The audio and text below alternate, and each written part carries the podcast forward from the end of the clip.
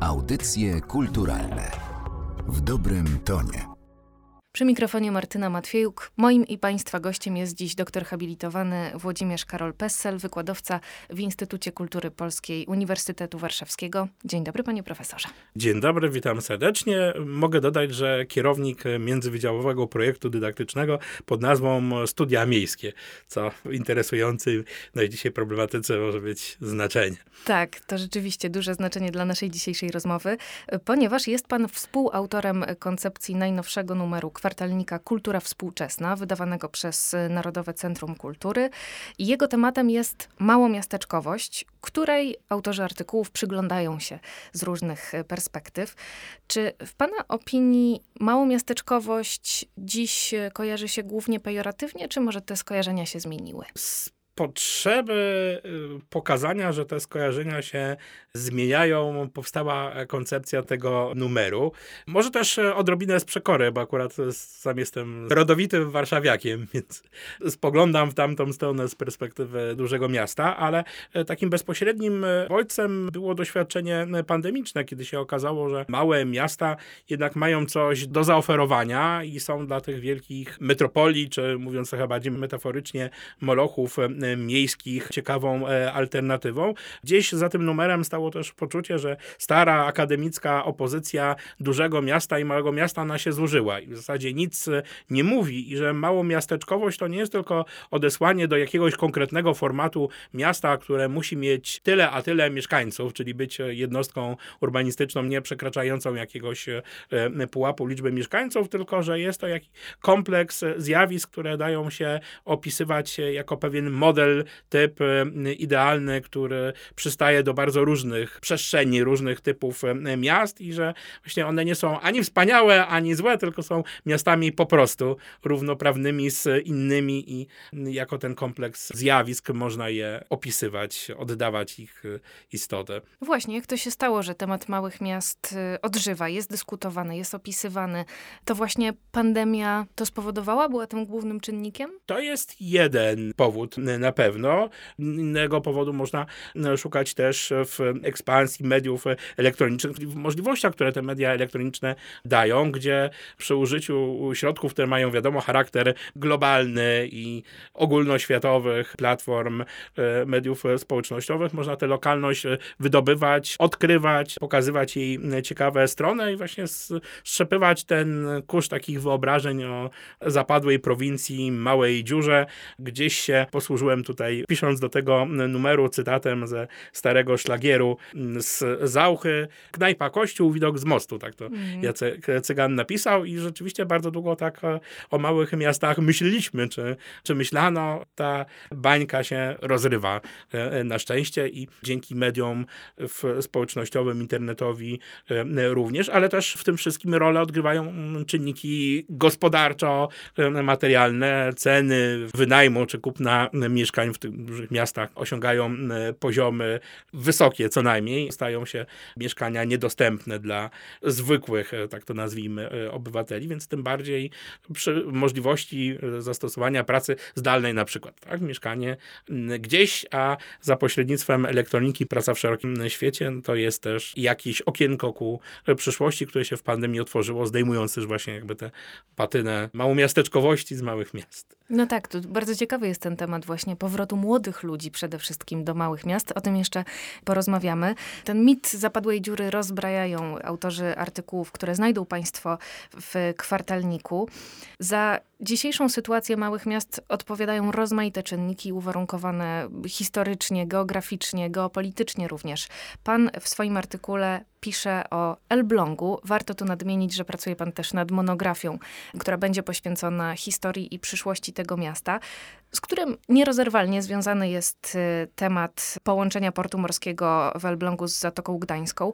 Jakie znaczenie w ujęciu humanistycznym, tym ujęciu związanym z kulturą, ma reharboryzacja, o której pan pisze, czyli to ponowne uportowienie miasta? O, to jest bardzo złożone zagadnienie. Po pierwsze, gdybyśmy się właśnie trzymali takiej twardej, starej nomenklatury urbanistycznej, to Elbląg wcale nie jest żadnym małym miastem, mhm. bo i dużym, i ludnym, chociaż wyludniającym się, to trzeba powiedzieć. Systematycznie ta liczba ludności Elbląga spada, ale cały czas jest to bezpieczną zakładką powyżej 100 tysięcy, więc jest to całkiem duże, a nawet duże średnie, średnie miasto, ale w którym coś przestało grać, jeśli tak można powiedzieć.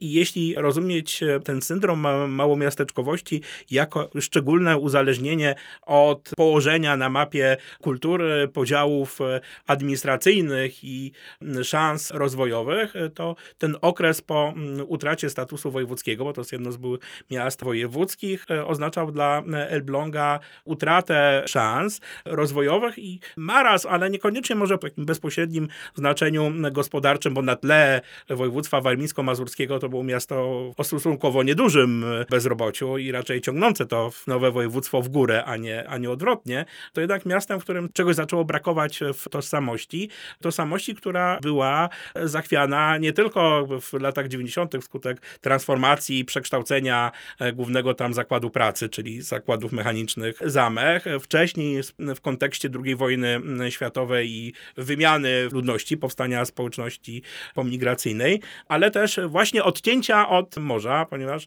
Elbląg miał tradycje portowe. Rzecz jasna, nie był to wielki port morski na skalę Gdyni, bo z uwagi na ukształtowanie terenu, warunki hydrologiczne, to jest po prostu niemożliwe i nie do pomyślenia, ale te funkcje morskie do końca czasów niemieckich przez to miasto było realizowane.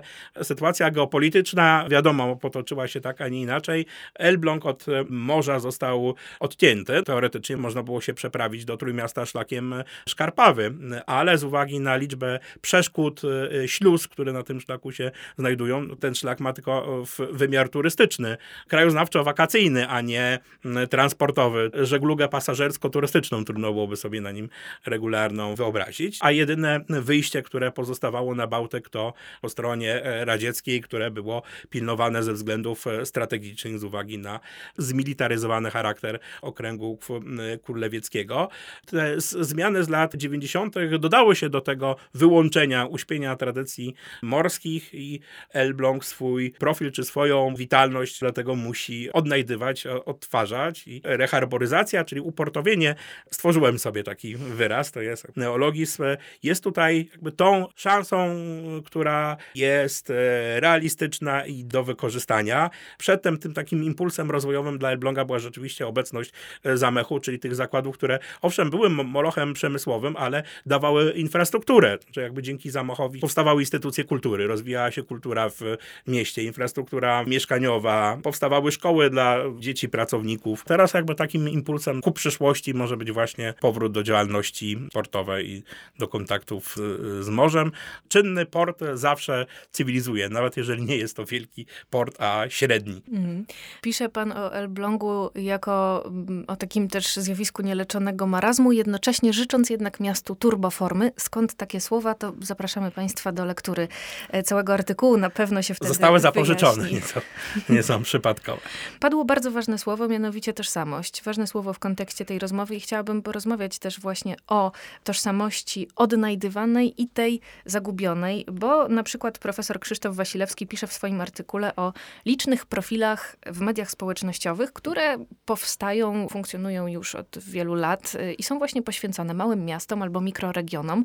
No i okazuje się, że gromadzą mm, nie tylko mieszkańców tych stron, ale także sympatyków, y, czy w ogóle osoby zaciekawione z najodleglejszych nawet y, stron Polski czy świata. Małomiasteczkowość przez wielu jest rozumiana jako powód do dumy, coś, czego odrębność i, i wyjątkowość warto podkreślać. Dokładnie tak. I e, nawet jakby dzięki temu e, eksponowaniu małomiasteczkowej e, tożsamości można mówić o kształtowaniu się zjawiska spontanicznych historyków czy krajoznawców z małych miast, miasteczek i miejscowości, czyli ludzie mający często różne wykształcenie, nie będący zawodowymi archiwistami, kronikarzami, historykami, zaczynają się zagłębiać w dzieje własnych miejscowości, czasem po prostu zaczynając od przeszukiwania materiałów, rzeczy własnej rodziny, w poszukiwaniu zdjęć, pocztówek i z tego wyłaniają się właśnie oddolnie opowiadane historie, historie miejsc. I małe miasta dzięki temu jakby zyskują swoje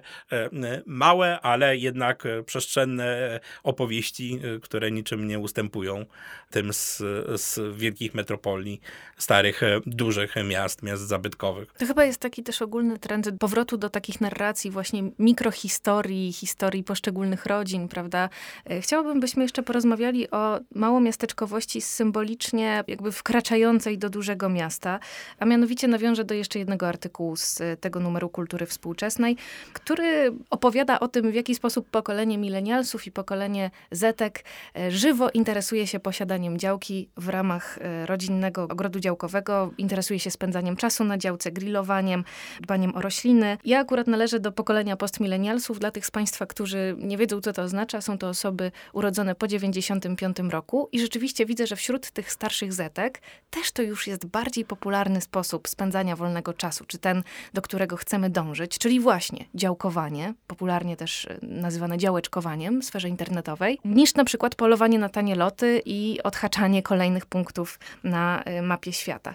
I tutaj autorka tego artykułu, czyli Julia Sawala, pisze o tej małomiasteczkowej tradycji niewynalezionej, nieodnalezionej, ale przechwyconej. To też jest ciekawe spostrzeżenie. Ja akurat pochodzę z roczników starszych. Udało mi się w końcówce, ale samego Edwarda Gierka przyjść, przyjść na świat i dla mojego pokolenia, które dzieciństwo spędzało w, latach 80., czyli w tych szarych, ostatnich, gninych latach PRL, latach kiczowatej mody, bo to też sposób, w Polsce sposób radzenia sobie e, z niedostatkami e, zaopatrzenia i wszelkich, wszelkich materiałów, to, to, to moje pokolenie spoglądało na działkowanie, zwłaszcza dziadków czy cioć, jakąś taką praktykę no, obciachową, najprościej rzecz ujmując. Moja babcia uprawiała ogródek działkowy.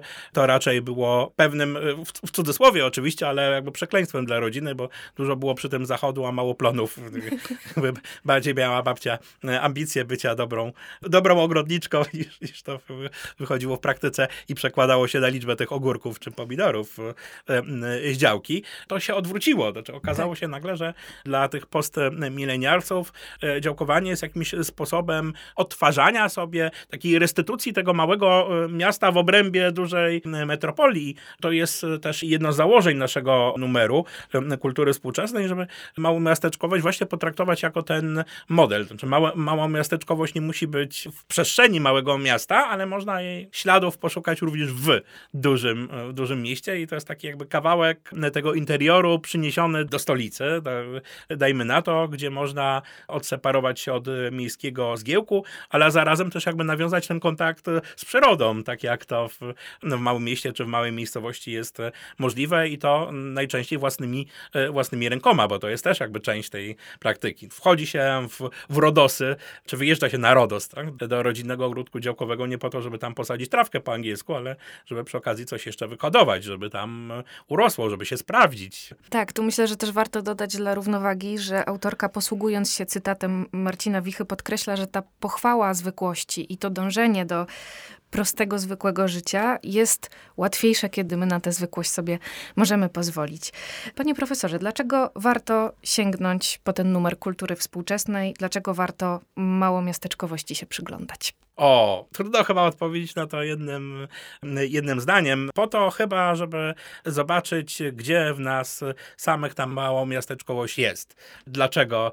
Żeby przekonać się, czy sami szukamy, czy też nie. I w tym miejscu przypomina mi się ten fenomen czytelniczy książki Ribona o powrocie do Ros, chyba tak się po francusku wymawia nazwę miasta, mhm. prawidłowo, która trafiła na podatny grunt w Polsce, jak się zdaje, jakby w związku z tymi indywidualnymi e, rozliczeniami, czy próbą usytuowania siebie wo wobec e, małego miasta, wobec małomiasteczkowości, zarówno wśród tych, którzy z tych małych miast do dużego miasta przyjechali, jak i tych, którzy z tego dużego miasta są i przyglądają się tym, którzy z małych miast właśnie przybywają. Że to jest jakiś temat, który w nas e, drzemie. On był właśnie stłumiony przez utożsamianie małego miasta z, z dziurą i to się jakby zmieniło. Stworzyła się przestrzeń do, e, do tego, żeby o tym rozmawiać, żeby małe miasta odczarowywać, a może nawet zaczarowywać, jednocześnie jakby zwalniając się z tych wszystkich e, ograniczeń. Ta akurat książka Ribona była potem zapalnikiem czy pretekstem, niezależnie od tego, czy sama była dobra, czy nie, i